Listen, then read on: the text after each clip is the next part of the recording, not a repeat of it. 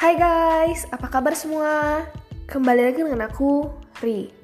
Hari ini aku mau review bukunya Kang Fuad Abdurrahman yang berjudul Pelukis Gurun Pasir. Prasetyo adalah pemuda lulusan jurusan pendidikan yang berprofesi menjadi guru honorer sejak 7 tahun silam. Dengan gaji yang hanya 250.000 sampai 300.000, ia dan keluarganya harus bisa bertahan hidup. Teman-teman Pras bilang, kita tidak bisa lulus tes CPNS tanpa uang bawah meja. Tapi Pras nggak mau melakukannya. Sampai ada orang yang tiba-tiba datang ke Pras dan menawarkan jabatan PNS hanya dengan bayaran 5 juta. Katanya, sampai ada orang yang berani mengeluarkan uang 25 sampai 30 juta hanya demi jabatan PNS. Pras di antara kebimbangan. Ia tak ingin istri dan anak-anaknya dinafkahi dari jalan yang salah. Akhirnya, Pras memutuskan untuk berhenti dari dunia mengajar. Karena ia telah melihat betapa banyaknya kecurangan yang terjadi. Pras memutuskan untuk terjun lagi di dunia kaligrafi dan kepenulisan Dulu namanya pernah melambung karena dapat order kaligrafi dari berbagai masjid dan juga tulisannya yang dimuat di berbagai koran. Awal Desember, akhirnya Pras mendapat panggilan dari temannya yang menjadi tenaga kerja Indonesia di Arab Saudi. Selain hendak bekerja, Pras juga ingin melaksanakan ibadah umroh dan haji. Pras pun menerima tawaran tersebut ia mendapat pekerjaan di daerah Zulfi.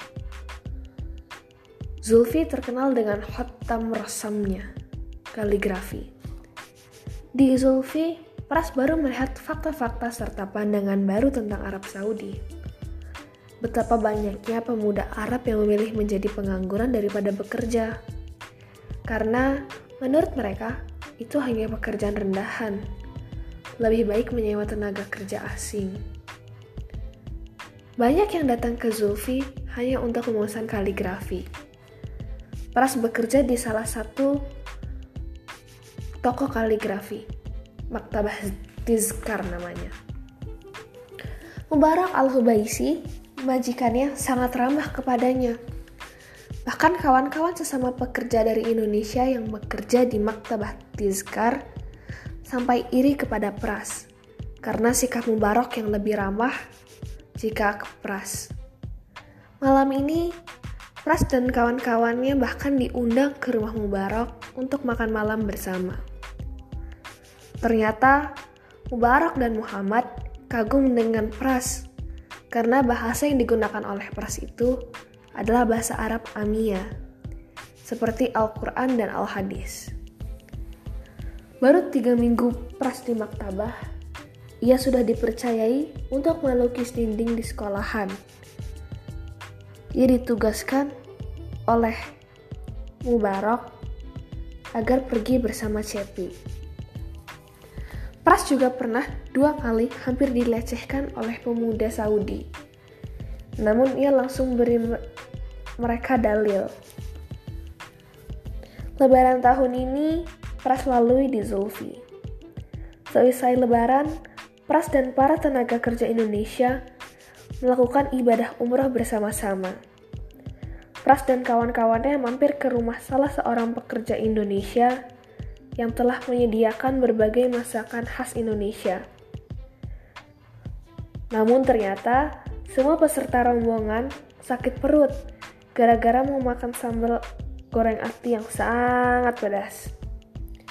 Hanya Pras yang tidak memakannya. Umroh pun berjalan dengan lancar. Bulan berganti tahun.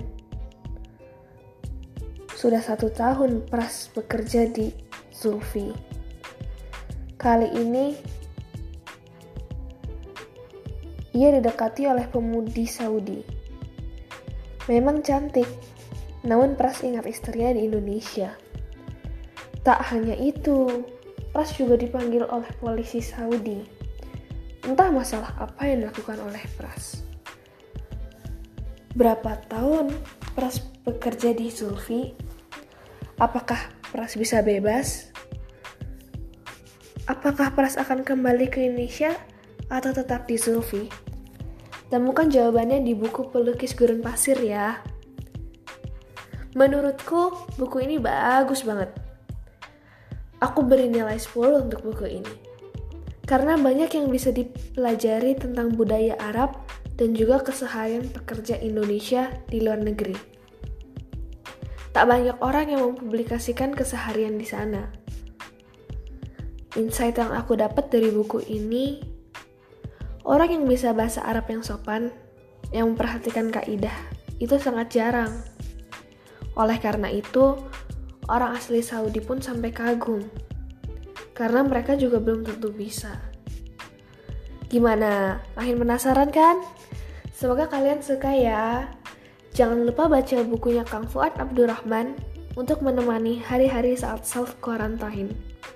Sekian dari aku. See you on my next podcast. Bye-bye.